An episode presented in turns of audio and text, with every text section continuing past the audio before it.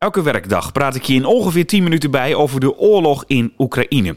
En dat doe ik met buitenlandcommentator Jan van Bentum van onze krant, het Nederlands Dagblad. En dit is de update van vrijdag 11 maart over een gecontroleerd einde van de oorlog. Jan, goedemiddag. Goedemiddag. Jij schrijft in een uitgebreide analyse dat Poetin, voordat hij begon, al een goed idee had hoe het allemaal ging verlopen, deze oorlog. Of zoals hij dat noemt, speciale operatie. Hoe lang dacht hij dan dat deze speciale operatie ging duren?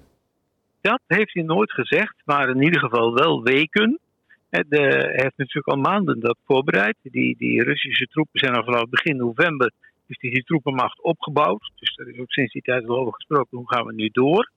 Uh, maar al in november is ook in zijn eigen favoriete discussieplatform Valdai een studie verschenen van, een, uh, van de directeur programma's van, van Valdai. Dat zo'n operatie in Oekraïne tot verschrikkelijke gevolgen zou leiden. En dat hij het vooral niet moest doen. En dan in hoofdletters niet moest doen. Wat is dat Valdai eigenlijk? Valdai dat is een, uh, eerst een internationale discussieclub, maar dan wel uh, based in Russia, dus in, in, in, in Rusland gebaseerd.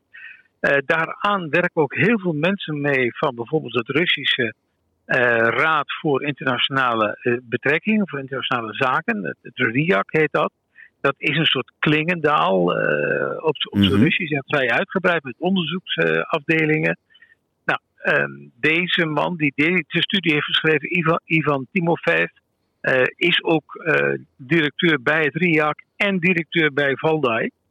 Nou, in Valdai daar komt Poetin vrijwel elk jaar langs om zijn politiek uit te leggen. Soms een hele lange speech, soms een hele lange vraaggesprekken. Uh, eind oktober was hij daar ook. En prompt de maand erop was er dus een studie van Valdai van jongens. Uh, operatie in Oekraïne gaat ons erg veel kosten. gaat verschrikkelijk veel lijden op, opleveren. Hevige gevechten in de steden, veel burgerslachtoffers. Waarschijnlijk duizenden gesneuvelde Russische militairen. Het stond er gewoon allemaal zwart op wit, 25 november vorig jaar. Nou, als Poetin dat genegeerd heeft, dan is dat, laten we zeggen, crimineel verzuim, nalatigheid. Maar ik ben bang dat hij dit wel wist. Dus hij wist hoe het ging lopen van tevoren al. Ga je dan toch ook anders naar de uitspraken van hem kijken van de afgelopen tijd? Dan ga je terug naar, uh, wacht even. Wat zegt hij nou precies? Um, dat heeft natuurlijk allerlei bijeenkomsten gehad hè, de afgelopen tijd. De Nationale Veiligheidsraad, waarin die met de Sidoviki, de machtige mannen, de minister van Buitenlandse Zaken, van Defensie, van Transport, maar ook de leiders van de inlichtingendiensten, de, de voorzitter van het parlement, de voorzitter van de Senaat, de federatieraad. Daar praat hij dan mee, of eigenlijk gezegd de laatste tijd, daar praat hij dan tegen. Mm -hmm. um, en dan, uh, dan, ja, dan, dan gaat het erover wat gaan we doen, hoe gaan we doen en dat soort zaken. En uh, af, uh, vrijdag vorige week was er weer een sessie. Daarin heeft hij ook gezegd dat dit dus echt ja, door moet gaan, want dit is ter verdediging van het moederland.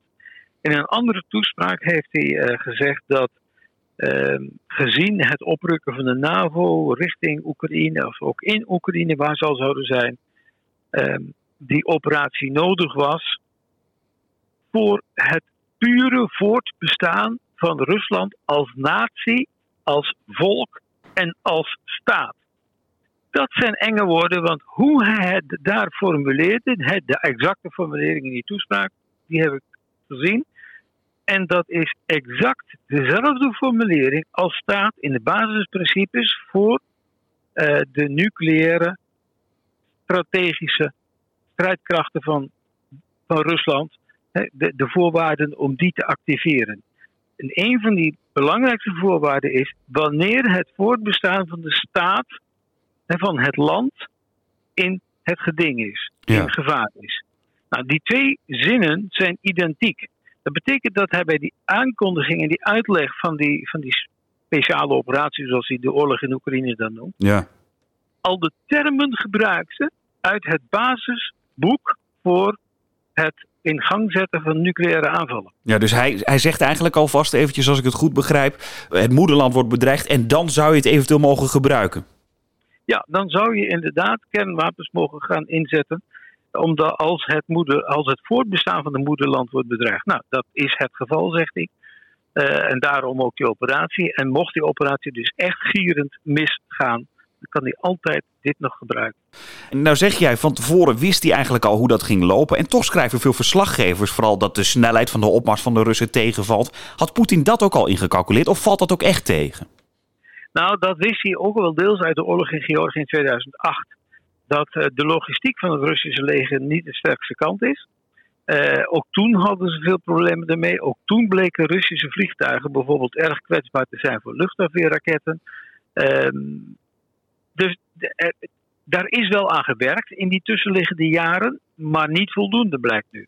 En vooral ook gewoon puur simpel domme materiaalpech die konvooien blokkeert waardoor men niet kan oprukken. Dat soort dingen, dat is niet voldoende door de staf van het leger doorberekend. Er ja. waren geen alternatieven. Je kiest een route en dan ga je op die route en gaat dat dus mis, omdat in de voorhoede de bruggen zijn opgeblazen en je er niet over kunt. Uh, nou, noem maar op, dat soort zaken.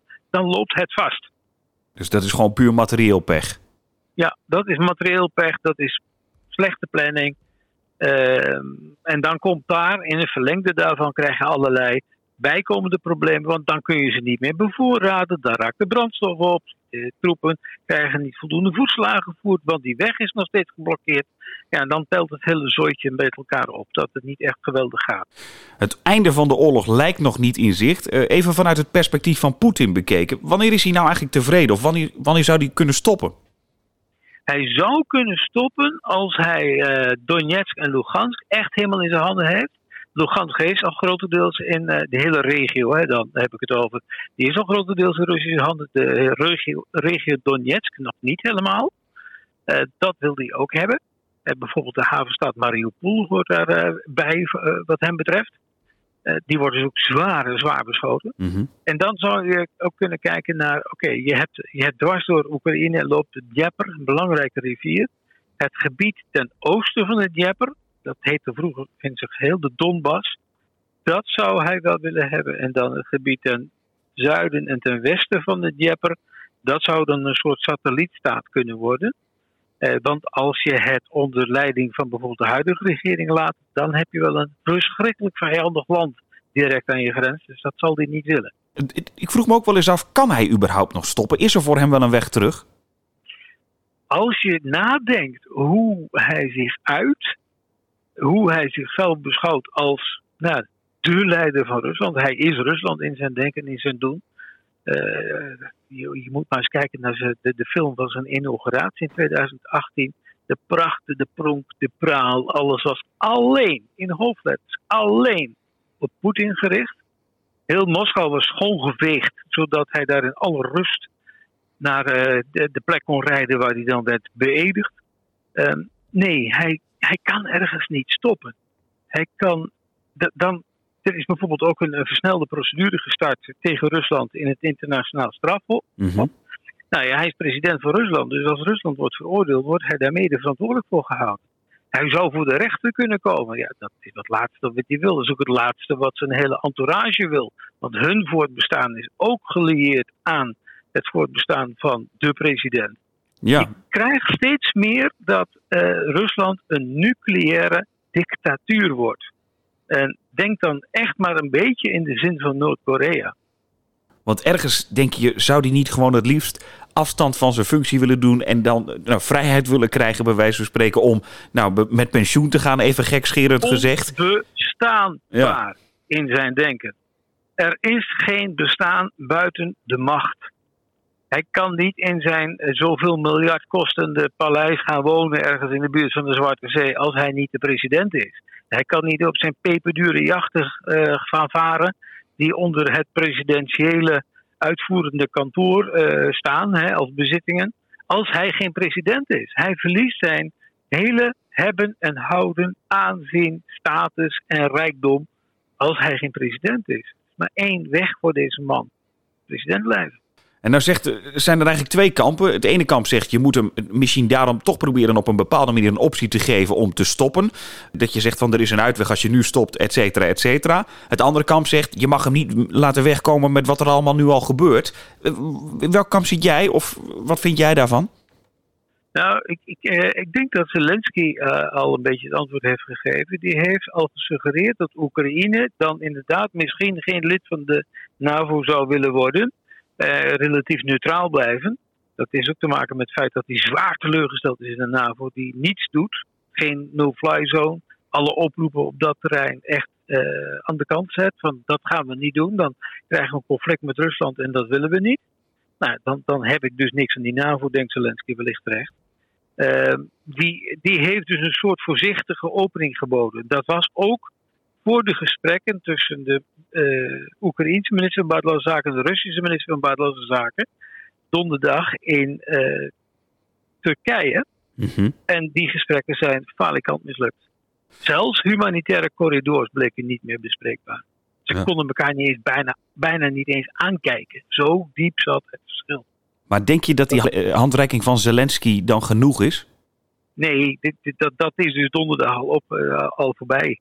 Poetin wil zijn gelijk hebben, punt uit, hoe dan ook. En je zult voortdurend tegengestelde geluiden te horen krijgen van, nou ja, die kant op misschien enzovoort.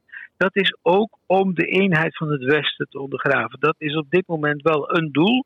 En daarin is donderdag China ook met, echt met een politiek offensief begonnen om ook uh, te stoken tussen de EU en de VS. De zelfzuchtige VS die stookt de Russisch-Oekraïnse crisis op, uh, staat bijvoorbeeld in uh, de, de Chinese dagblad, Volksdagblad ook. En, en dat die enorme olieprijzen en, en, aardgasprijzen die Europa nu moet betalen, die zou de Verenigde Staten nauwelijks treffen. Al doet de VS alsof ze er ook onder gebukt gaan dat zijn krokodillentranen. Het zijn de Europeanen die de prijs voor de Amerikaanse avonturen betalen. Nou, dat gestook, denken wij wellicht in Nederland van ja, fijn, maar daar luisteren we niet naar. Maar in andere landen waar China al een belangrijke positie heeft, denk aan Hongarije, uh, maar ook in Servië en ook een land als Italië en Griekenland wel. Daar, daar zijn er wel politieke oren die daar gevoelig voor zijn. Dus die oorlog gaat nog wel even door, maar de informatieoorlog is minstens zo belangrijk. Nou, eigenlijk uh, begint die nu nog feller te worden, omdat China zich nu volledig achter Rusland heeft geschaard. We blijven het de komende tijd volgen. Jan, dankjewel voor nu. Graag gedaan. De analyse van Jan van Bentum, waar we het over hadden, vind je in de show notes. Heb je een vraag voor hem of wil je reageren? Dat kan via oekraïne.nd.nl. Een nieuwe update staat maandag om 4 uur weer voor je klaar.